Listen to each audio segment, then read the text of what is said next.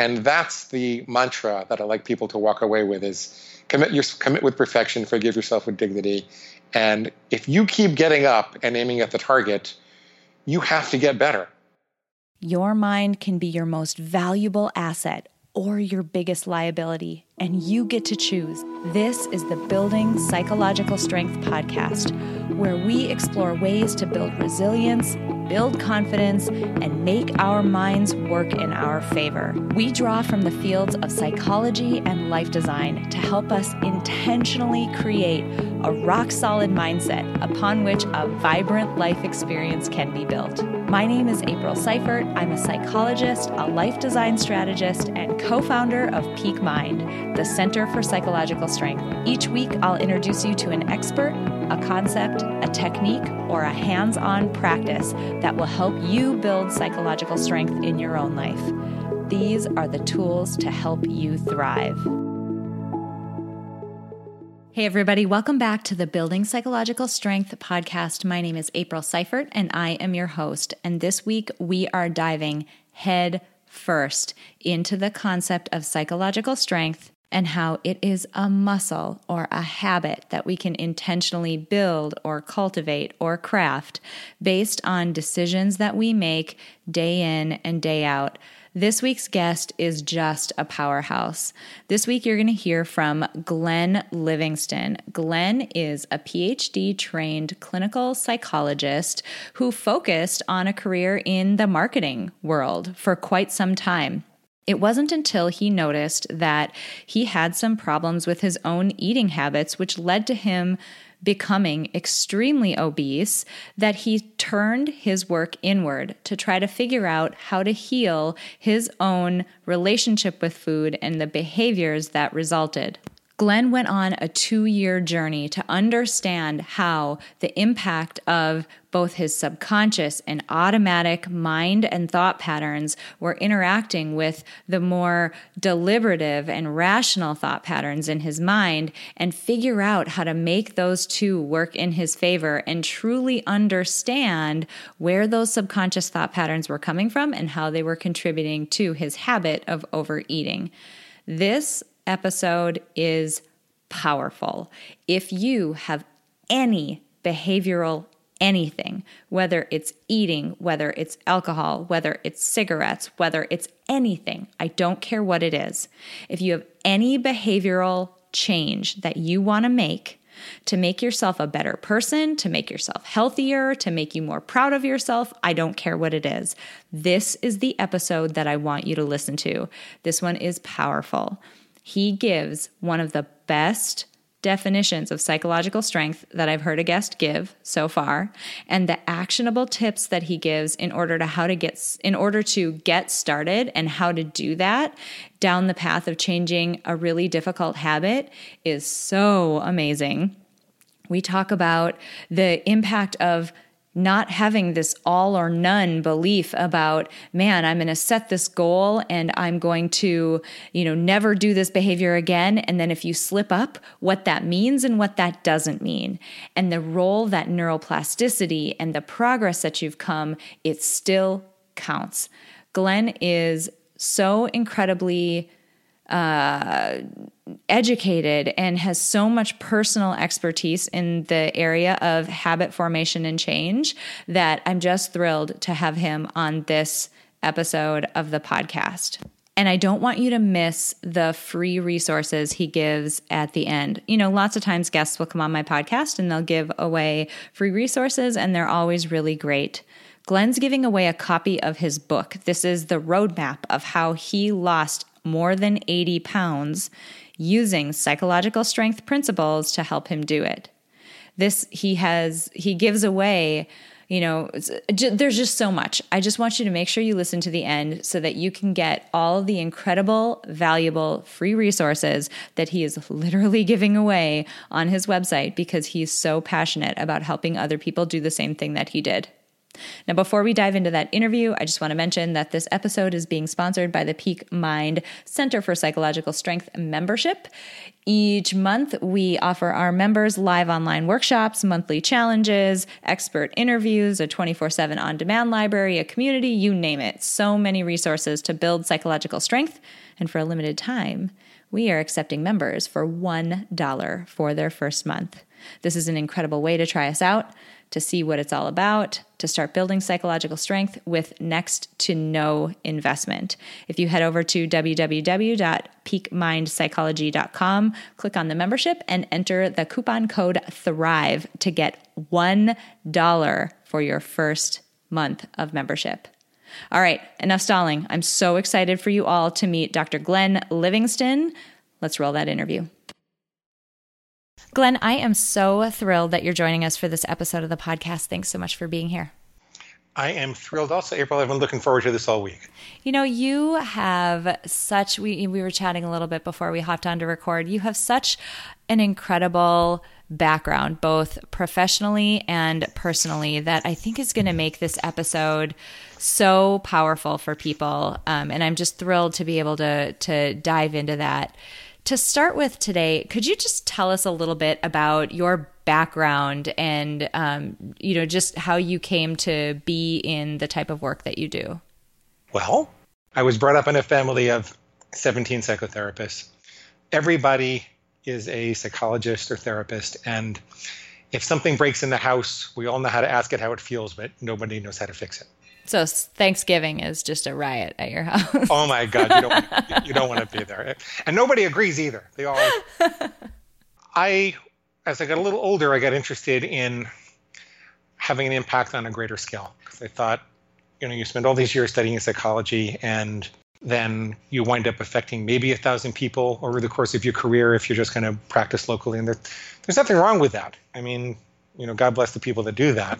But I wondered, could I learn more about marketing and have an impact on a grander scale. And I, I wound up marrying a marketer, and I had a complementary skill set to what she was doing. I knew how to organize these large studies that would assign emotional values and correlate them with purchase interest without having to ask people directly. During this time, however, I had a very serious eating problem. It began without my knowledge when I was about 17, when I figured out that because I'm 6'4 and pretty muscular, if I worked out for two and a half or three hours a day, I could eat anything I wanted to. Mm. So, you know, so like if you if you've been to a 7-Eleven and they're out of Pop Tarts, I'm I'm probably the reason. but as I got older and I was married and I went to graduate school and I was commuting two hours each way and I had patients and I just can't work out for three hours a day. You just can't do it. The doctors started to yell at me because my genetics are pretty poor and that I was probably not going to see my 35th birthday if I kept up like this. I couldn't be 100% present. I would be sitting with suicidal patients or with a couple right after an affair. And being a great psychologist is everything to me. That's all I ever wanted to do.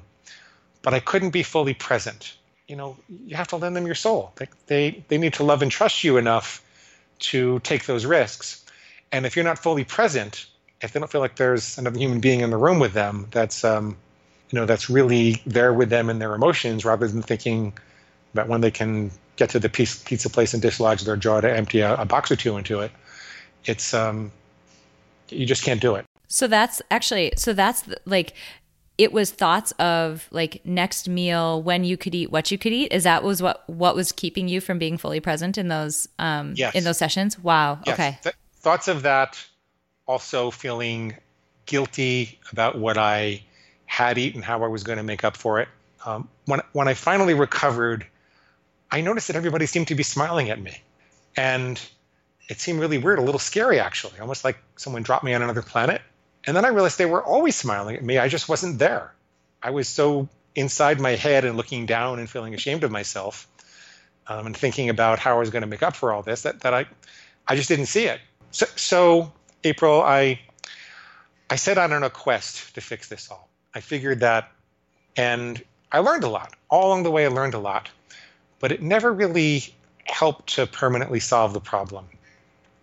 Finally, there are a couple of things that happened that flipped my paradigm. I came to understand that the part of the brain that seems to be most responsible for addiction is not a part of the brain that knows love. It, it comes from the lizard brain, the most primitive part of the brain, where the you know feast and famine, um, fight or flight responses, the emergency responses are. And when that part of the brain sees something in the environment, it's thinking like a lizard, which is basically, do I eat it? Do I meet with it or do I kill it? I really want to make an inappropriate joke, but I'm not going to. But I really want to. But keep I, I really, going. I really want you to now. I mean, I, will No, I'm not going to go there. Never mind. I've, I, like, look at me with my self control. I'm not going to go there. But keep going. At a girl. Uh, so I said, the lizard brain only wants to eat, mate, or kill. There's no love there. Love is more of a function of the higher brain, at least the mammalian brain, which says, well, before you eat, mate, or kill this thing, what impact is that going to have on my tribe, the, the people that I care about? And then the upper parts of the brain are more like, well, what impact is it going to have if you eat, mate, or kill that thing on your long-term goals and the kind of person you want to be in the world, and your creativity or music or spirituality or art or relationships or everything that we really think of as uniquely human. I just got an inkling that maybe it was the uniquely human part of me that had to take control. The other things that flipped my paradigm were that I was doing all this consulting for Big Food, and I saw that they were essentially engineering food like substances to hit our bliss points without making us feel satisfied. Oh, tell me more about that because you have like a internal look into into that industry. I'm really curious about more detail there. So, okay, um, I was working with a major food bar manufacturer, and I was talking to the vice president. I asked them what the most profitable insight they had that really turned the course for this food bar manufacturer. And he said, Glenn, well, I got to tell you, it's when we figured out to take the vitamins out of the bar because they were making them taste bad and they were expensive. And instead, we put that money into making the packaging look really vibrant and colorful and shiny. And I thought, to, I said, wow, so you're telling me that you've created packaging which in our evolutionary nature, a diversity of shiny different colors would signal a diversity of nutrients that are available. So there's a diversity of nutrients. As a matter of fact, this is a big part of the reason why we respond to color in the first place, is because we're attuned to finding those nutrients in our in our environment. But here he was saying they figured out, with the help of a lot of research and pour a lot of money into this, um, how to create that perception when they're actually giving you less nutrition. And you so you won't feel satisfied you won't actually get it. So they're fooling us they're faking us out. And then once we had that talk i started seeing this was happening all over the industry and i said to myself well that's a very powerful force and you combine that with the billions of dollars spent on advertising and the five to seven thousand messages and you you start to wonder how anybody could have any chance. And why am I busy thinking that this is an internal psychological problem when there, there's all these forces aligned against us, very powerful forces from the outside? The last thing that flipped my paradigm was a study that I did myself. I was getting a lot of money to do these big studies. I designed a really big study that I let run for many years. I wound up with 40,000 people who took a survey. And the survey was about what was stressing them in their life, some personality variables, and what foods they couldn't stop eating.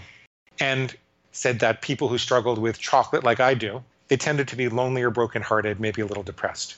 People who struggled with crunchy, hard things like you know chips and pretzels, they, they tended to be stressed at work. And people who struggled with soft, chewy, starchy things like bread and bagels and that kind of stuff, they tended to be stressed at home. And I thought that was fascinating. It was going to really show a connection, and I was, made the mistake of thinking that was causal.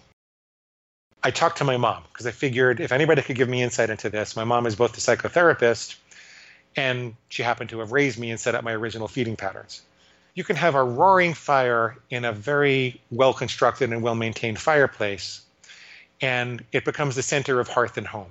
It's a very valuable thing. People gather around it, they make memories, they share stories. it's only if there's a hole in the fireplace that ashes can get out and burn down the house. And I realized that it was that voice of justification, that crazy irrational voice that made it okay to binge because I was lonely or depressed or angry or whatever I might happen to be feeling. That's what I had to deal with, not the feeling itself. And that, that was a pivotal insight for me. So, for my own personal needs, and I never thought I was going to share this, I decided that I was going to draw really clear lines in the sand. Like, uh, I will never have chocolate on a weekday again.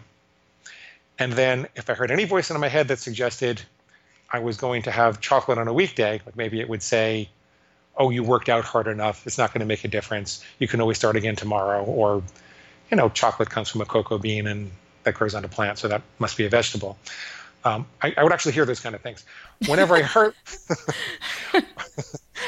whenever I heard that, I would say that's just my inner pig, and it's squealing for pig slop. The chocolate on a weekday is pig slop because I said it is, and I don't eat pig slop. I don't let farm animals tell me what to do, and it made a difference. It wasn't a miracle. I didn't immediately recover. But what happened is I'd have these extra microseconds at the moment of impulse to wake up and remember who I was, what role I wanted the chocolate to play in my life, and why I was doing that. Slowly but surely, I got better.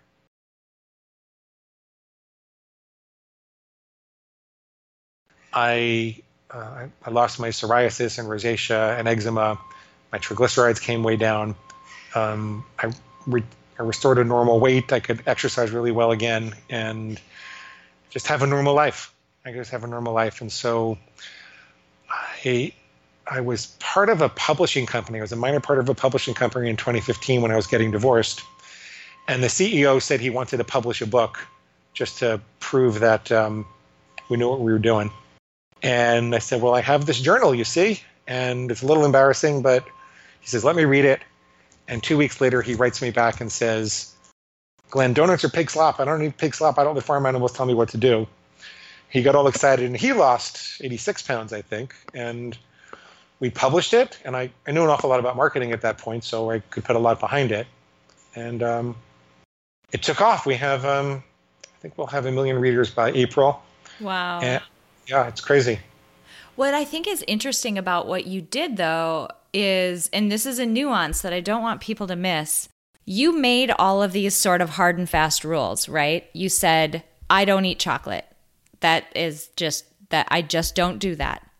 But the intervention that you had was not so much okay, so every day I'm behaviorally not going to eat chocolate. Maybe you were trying to do that too, but yours was more let me capture everything that my reptilian old brain is throwing at me around this rule. Let me just get really self aware of what my reptilian brain is saying so that I know it and I recognize it and I see it happening. And that self awareness is leading to that. And I love how you said there was that you know, few milliseconds between the trigger and when you actually would behave because that's the point at which you can kind of wedge your foot in the door and start to over time slowly widen that gap so that you've got a longer time frame to work with it takes a lot but you can do it. And I just think it's it's a distinction that I didn't I don't want people to miss that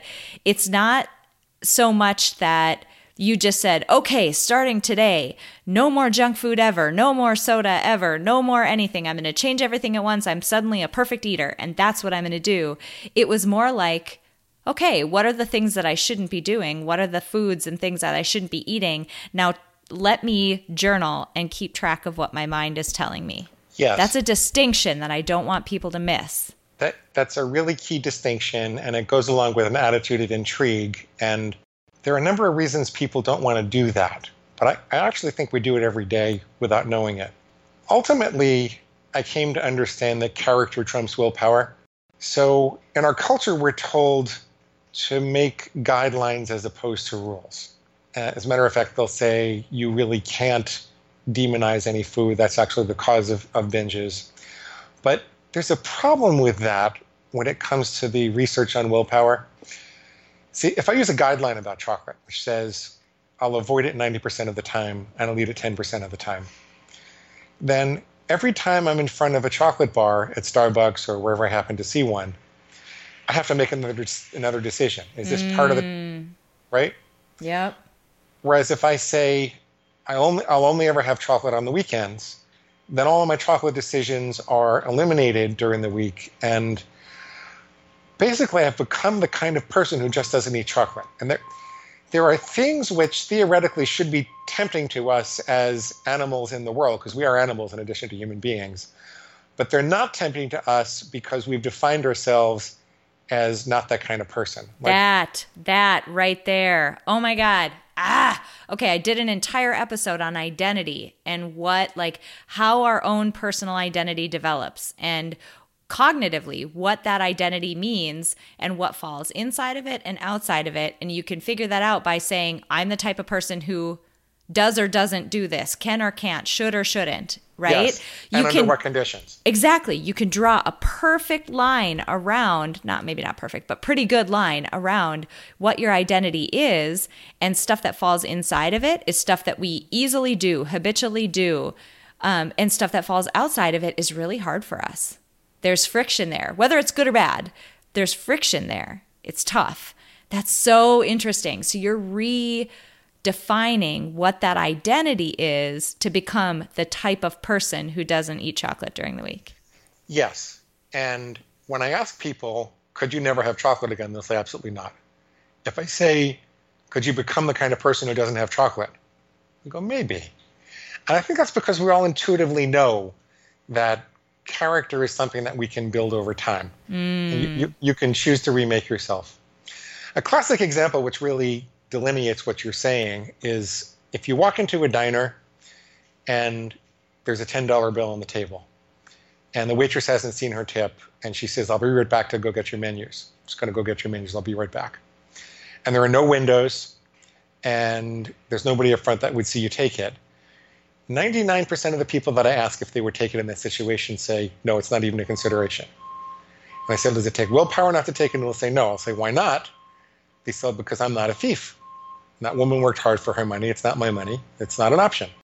So I'll say, so as a matter of character, you have an unwritten rule that says I never steal, regardless of whether you're going to get caught. It's a matter of character because of the kind of person that you want to be in the world. And then I'll say, well, why can't you do that with food? So yes, it's it's all about um, building character, and character is no more than the your habitual way of responding to temptation um, without thinking about it. It just becomes you know routine, and you by by taking the time to articulate what character you want to develop, you then have a uh, a yardstick against which you can measure your behaviors and slowly adjust your aim until you get there. I love this so much. This is exactly what we're talking about when we talk about building psychological strength, right? The title of this stinking podcast is that so much about how our mind works is a habit that you can cultivate. It's a, a, strength that you can choose to develop. And, you know, we have this tagline within Peak Mind where we say your mind can be your most valuable asset or your biggest liability, and you get to choose. And that's what we mean. So you can allow it to go down, and we, I'm sure you have you have expertise and thoughts on this. Your reptilian mind, that part of your brain, it's there to help you survive. Like it's not there to help you thrive and become an actualized person. It's there to help you and the species survive. So it makes you scared of stuff. It urges you to go in certain directions. It's very um, focused like that on things that will help you survive, meaning make sure you're eating enough, make sure you're procreating. It's not talking about helping you thrive in your day to day life. And so if you let that get out of control and you don't have, I think what you're saying is the more intentional aspect of your mind, keeping it in check. If you don't do that, and that's something you have to cultivate intentionally, if you don't do that, you sort of spiral into that direction where it becomes a liability more so. And you end up in a position where those habits it's cultivating are working against you. Yeah. Like, are you going to live by your impulses or are you going to live by your intellect and best thinking? And it turns out that uh, discipline actually creates more freedom. People are, and Jim Rohn said, a life of discipline is better than a life of regret, and I very much believe that. But I also think that freedom and discipline are not diametrically opposed. I think that if it if it wasn't for the discipline of the engineers who made your car, you'd be unable to turn the wheel 30 degrees and have the car turn 30 degrees and go where you want to go. If it wasn't for the discipline of you learning the rules of the road and what a red, yellow, and green light means and who goes first at a four way stop sign and what does it mean when you come to a yield sign, then you couldn't drive through the city. As a matter of fact, nobody could if we didn't have those rules.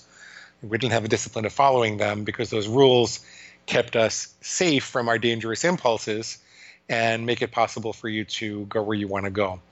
If a if a jazz pianist doesn't take the time to study their scales and understand the structure of music, then they can't pour their soul into improvising away from that structure because they won't know how to get back to it when they need to. So a lot of people are frightened of this kind of discipline because they feel like it's going to constrain them. But the truth is that if you do it right, it actually opens up your life. It doesn't doesn't contain it. That's amazing. Life can be so much more than simply going to work and waiting for the weekend. But deep down, you already know that. You know that life can be so much more vibrant. You know you were made for more than just passively going through the motions. You know you can thrive, but to do that, you have to start from the inside out. And that is why I'm so excited to announce that for a limited time, we're offering you the opportunity to join us in the Peak Mind membership for only $1 for your first month. That's right, $1 to join us in the full Peak Mind membership. All you have to do to take advantage of this amazing offer is to visit us at www.peakmindpsychology.com, click on the membership, and enter the code THRIVE at checkout. Think about it. We all know what we need to do to keep our bodies strong. But what about our minds? What if you had the tools to build the psychological strength confidence, and resilience to help you thrive at work, at home, and in the rest of your life? What if you made the commitment to living your life by design and not by default? All of this is possible. The goal of Peak Mind, the Center for Psychological Strength, is to help you build the mental toughness, flexibility, and resilience to thrive in your life. We draw from the fields of psychology and life design to help you intentionally create the vibrant life experience you know is possible. Through live online workshops, a 24 7 on demand library, expert interviews, and monthly challenges, our members are building the psychological strength that it takes to thrive through life's ups and downs. And like I said, you can do it too. For a limited time, we're offering you the opportunity to join us for only $1 for your first month. Just visit www.peakmindpsychology.com, click on the membership, and enter the code THRIVE at checkout. Your mind can be your most valuable asset or your biggest liability, and you get to choose. So, what choice are you making? Join us in the Peak Mind membership before this amazing offer goes away. So, we're talking about these two sides of your mind or signs of your brain right? There's the older part. We keep talking about reptilian right? And that's that's another distinction i want people to understand. The parts of your brain that fuel that survival instinct so just keeping you alive not perfectly but as a general rule those in in like the species in like species in the world like as animals evolved in the world those parts of the brain evolved earlier or first, meaning they're very old. Like as animals started to evolve to have brains, those parts evolved. So think about it like the part that keeps your heart beating and keeps you breathing. That was one of the first things to evolve because you, if you had to think about making your heart beat, you die as soon as you fell asleep, right? Yeah. So yeah. all of those pieces, they evolve. They evolved a really long time ago they're almost completely formed when we're born. So, or earlier on in our own individual lifespans. Um, they're very automatic and they're hard to control sometimes. So, again, think about your heartbeat, right? So, as animals evolved to have hearts that beat and circulate stuff around them, these parts of their brain evolved, they became things that happen automatically. It's hard to sort of circumvent them because it's keeping you alive and your impulses to eat follow pretty and your fear response to things follow pretty closely behind breathing and your heart beating. But what isn't something that's necessary to keep you alive is that higher order cognition. So, contrast, you know, something that evolved a long time ago that's almost completely formed when you're born and is automatic, your frontal cognition like the, your your higher order cognition that more deliberative part of your brain that is a relatively new part of our brain it's it's not in many of our ancestors so we have this frontal lobe to our brain that's capable of all this more deliberative thought but it's not developed until you're in your what early 20s in your lifetime. So it's new, it develops later in life, it's very deliberative, it's not automatic, and it's really easy to circumvent it if we get tired or emotional or distracted or whatever. You can cause that to short circuit. So it's almost like our evolution and biology, the scale is tipped a little bit in the direction of us caving to impulses, which is why we talk about within peak mind and exactly what you're saying with the practice you did, you're pushing the scale down to even it out on that other side in the direction of deliberative thought and giving your um, rational decision making capability a chance to just weigh in on that decision about the chocolate versus just chasing it down because you had the impulse to have it. I, I couldn't have said that better myself. That's absolutely true. I love that. So, what, I mean, how long did this process take? Because this is not what we typically hear when um, you know you see commercials online and on TV about weight loss and that type of thing. Um, this is not what you typically hear. So, how long did that process take for you? What was that like? Well, what happened immediately was that my sense of powerlessness went away. I was feeling powerless and hopeless, and like I was, I thought I was going to be 500 pounds. I thought it was just going to keep going and that that went away. So the feeling like things were just going to keep getting worse, and that that felt like a miracle. If, if you can imagine a ship that's going in the wrong direction and heading from, you know, New York to London and seems to be going to Africa instead. If you finally believe that you're going in the right direction, it's a tremendous relief, even if it's going to be a long time till you get there. For for me personally, it took a couple of years to iron this all out because there were a lot of there were a lot of things that the pig said to get its way. It said that I, I can't make these very bright lines. I can't say I'm never going to do something again because eventually I had to evolve to say I would never have chocolate again. For example, the answer to you're going to be deprived forever and you can't, therefore, you can't stop having chocolate is that our nervous systems actually upregulate when you stop overstimulating them. So if I um, if you have a chocolate bar every day, then you can't taste the difference between the sugars in an envy apple versus a Fuji apple, and you don't get the same pleasure response from that subtleties. As a matter of fact, after long enough of having a chocolate bar every day, you won't like the apple at all. That's why so many mm. people say they don't mm. like fruit and vegetables. But if you stop having the chocolate bar and you have the apples anyway, then over the course of six to eight weeks, your taste buds double in sensitivity and your dopaminergic system starts to you know fire again towards other pleasures in life, and so you're you're not tortured forever. It's not true. There's a period, the first hundred hours are the hardest, where it feels intensely depriving, and uh, there's a sense of anhedonia or the inability to experience any pleasure. It seems like life is going to be miserable, but that usually starts to let up after 100 hours or so, and people um, people get better. So everything that the pig said um, you might as well just start tomorrow, it'll be the same. Well, that's not true because by the principle of neuroplasticity, what what fires together wires together. If you indulge today, your brain is going to rewire just a little bit to make it more likely you're going to indulge tomorrow. So you're either you're always either reinforcing or extinguishing your addictions. If you're in a hole, you got to stop digging. Now, when I work with clients, because I figured all this stuff out already, um, and I, I know what the pig's objections are going to be, and I know how to talk people through it. It takes a couple of months for most people to really get it. which is see, see, this isn't a treatment. It's not something I do to you like a gastric bypass. It's a system of information and answers to the most common things that your pig is likely saying to constantly talk you out of your best judgment. That if you're willing to put in some thinking work for a couple of months, know, just like learning the rules of the road when you're going to learn how to drive, then before you know it, it's not going to be much work, and you'll be able to, you know, daydream and talk on the cell phone like you do when you're driving. Mm. Just just becomes a natural part of you.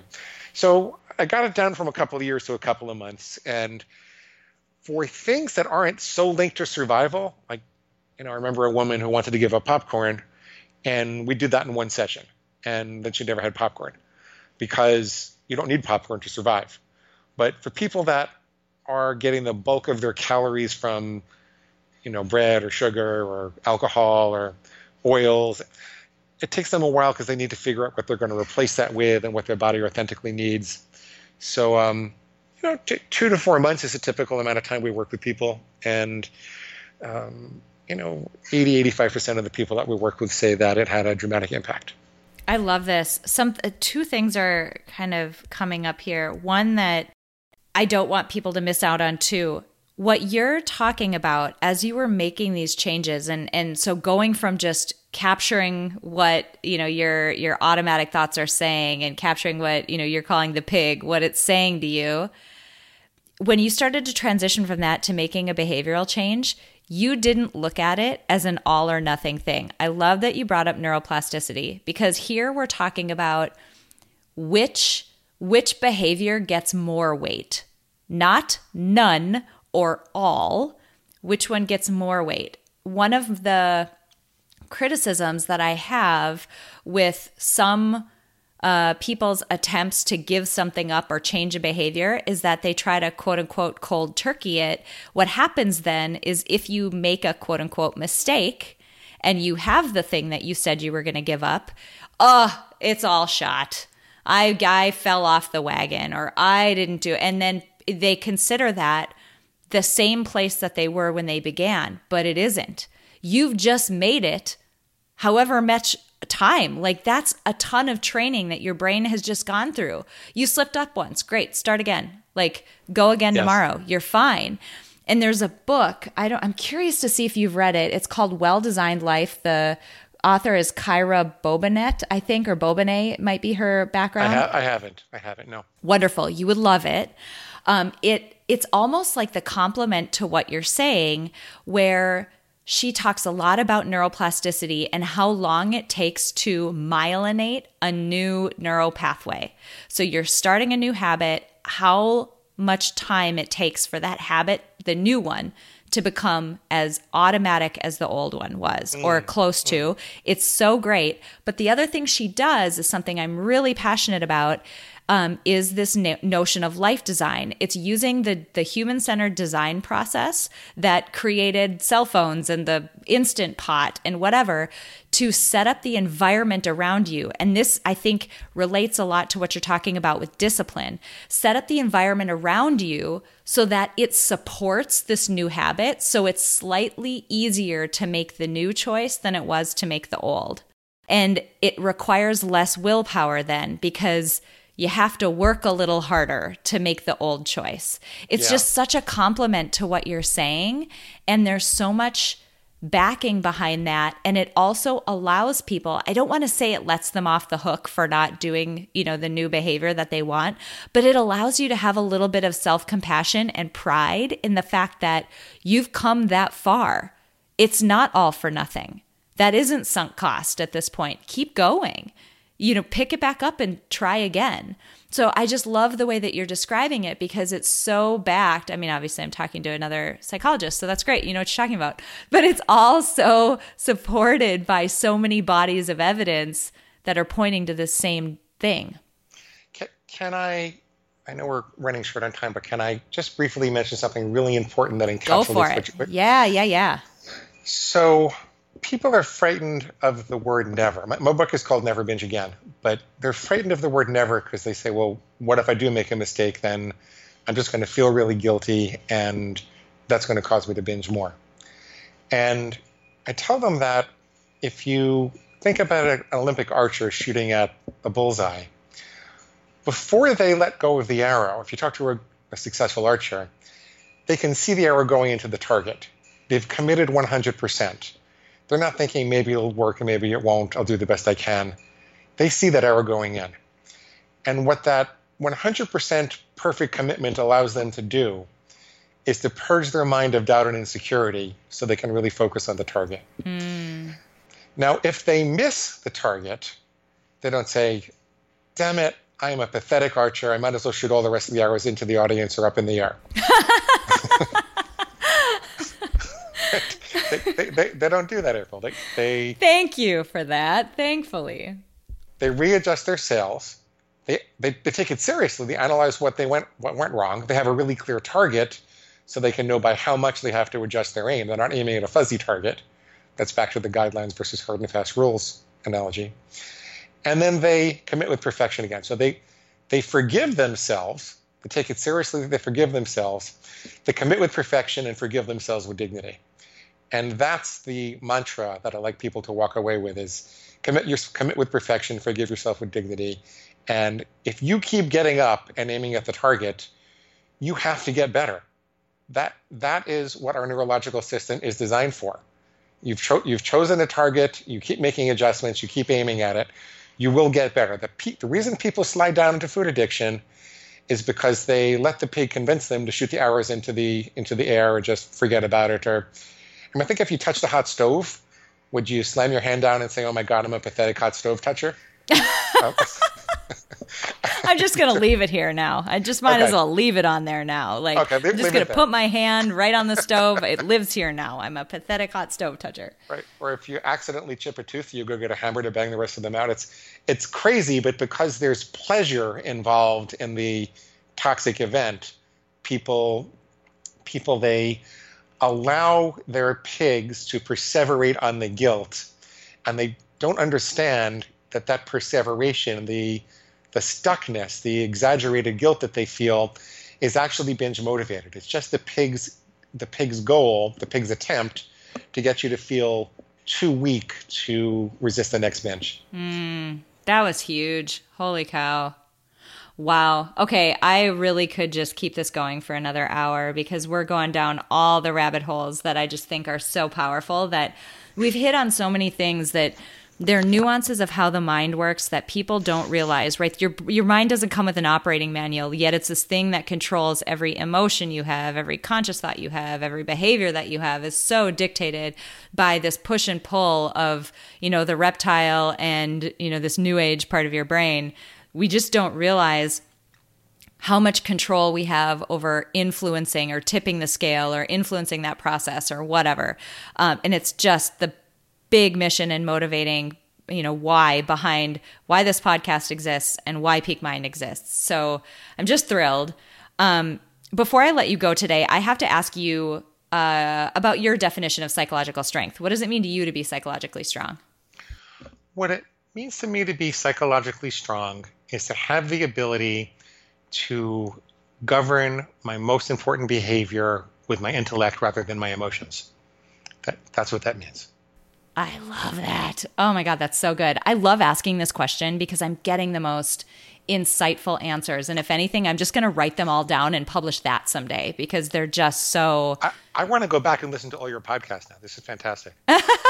amazing, amazing. Definitely do it. Um, and before we leave, too, I'm hoping that, you know, with everything that you've learned and folks who are listening, this has more to do. This is that we're talking about habits in general, behavioral habits in general. Maybe it's about eating. Maybe you drink too much. Maybe you smoke. Maybe you, I mean, it could be any of these behavioral habits. There's likely a similar pig or whatever it is squawking at you from the back of your brain. And there's, you know, your attempt with the newer part of your brain to just chill it out a little bit. These same processes apply.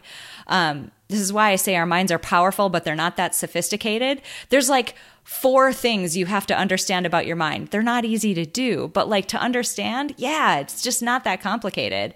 Um, this is what I'm talking about. There's basic things that are at play that keep our habits in place. Um, what are your tips for helping people overcome that? Like, how would you tell someone to start? Or what is something that someone's listening to this, something they could do that would at least get them on the right path? What is the single most difficult trigger food or behavior that you're struggling with? Okay. Can, can you make one simple rule that you that doesn't seem overwhelming, that's clear and unambiguous to make a significant difference in that one trigger food or behavior? An example might be, I mean, my example was I'll never have chocolate during the week again.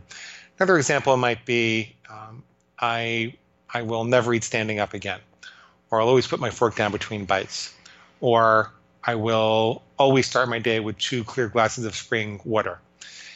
One rule, one rule that gets things moving in the right direction for you every day that tells you that you're in control, not your lizard brain. And then watch your lizard brain try to make it. See, some people make the mistake of thinking that to recover from overeating, you need to not have cravings anymore.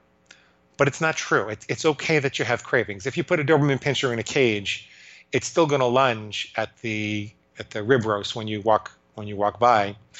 The only thing is that's important that you don't open the cage. That's all that matters. Mm. Um, I also have a bunch of free stuff on the website. Could I tell them where they can? Yes, please that? do. Please do. So first of all, you can get a free copy of the book in Kindle Nook or PDF format at neverbingeagain.com. Click the big red button and you'll see what to do. Secondly, we've created, with the same instructions to get it, a set of food plan starter templates, which are sets of rules that work together to give you the basics for any dietary philosophy. So my, my book is diet agnostic. Whatever diet you want to work with, as long as it's reasonable, we can we can help you. Um, and there's a set of free food plan starter templates for, you know, ketogenic versus macrobiotic versus point counters versus calorie counters, and vegan versus whatever you happen to be trying to follow. You can get started like that. I'd like you to modify them for yourself. The reasons will become clear as you as you get through them.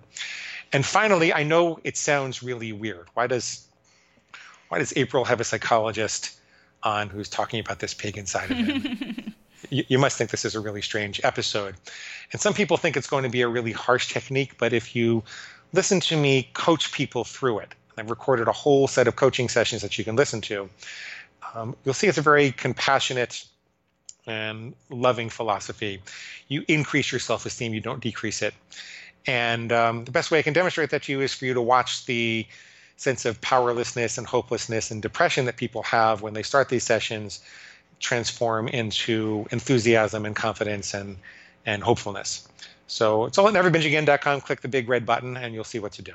I love it. This has been such a pleasure. I absolutely adore having people on who can demonstrate from different perspectives so you from the perspective of of you know learning how to take care of your body and eat better but there's so many different ways that we can have the same conversation to help illustrate to people how their mind works and how much control they have over it. I feel like so many times people don't realize how much their small decisions, the tiny things they do day to day, can so impact. And just having a little bit of self awareness and a little bit of intention moves the needle so much. So this has just been incredible. Please check out his website. Please grab a copy of the book. I'm definitely going to go watch the sessions that you recorded. I'm so excited to see how this all plays out with, you know, people who need to hear it at that exact right time.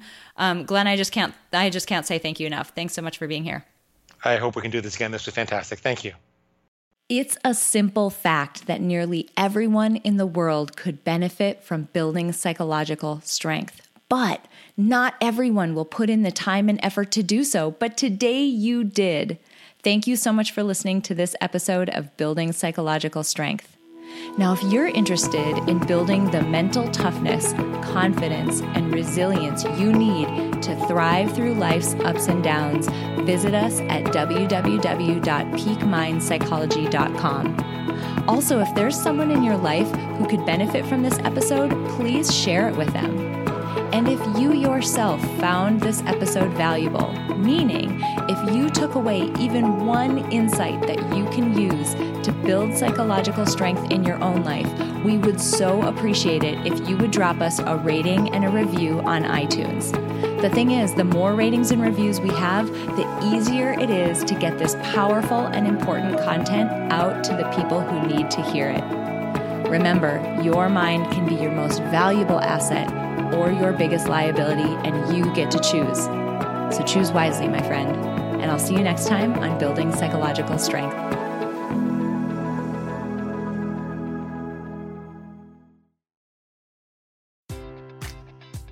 Enjoy all your favorite sports like never before at BetMGM. Sign up using code CHAMPION and receive up to $1,500 back in bonus bets if you don't win your first bet. When you register with BetMGM, you'll get instant access to a variety of parlay selection features, live betting options, and the best daily promotions in the business. And with BetMGM at your fingertips, every play and every game matters more than ever. Remember to use code CHAMPION and receive up to $1,500 back in bonus bets if you don't win your first bet. Place your money line, prop, or parlay bets with the king of sportsbooks today. BetMGM and GameSense remind you to play responsibly. See BetMGM.com for terms. 21 plus only, Virginia only. New customer offer, subject to eligibility requirements. Rewards are non withdrawable bonus bets that expire in seven days. Gambling problem? Call 1 800 Gambler. Promotion, promotional offer not available in Washington, D.C. At Parker, our purpose is simple. We want to make the world a better place by working more efficiently, by using more sustainable practices, by developing better technologies. We keep moving forward. With each new idea, innovation, and partnership, we're one step closer to fulfilling our purpose every single day. To find out more, visit parker.com/purpose. Parker, engineering your success.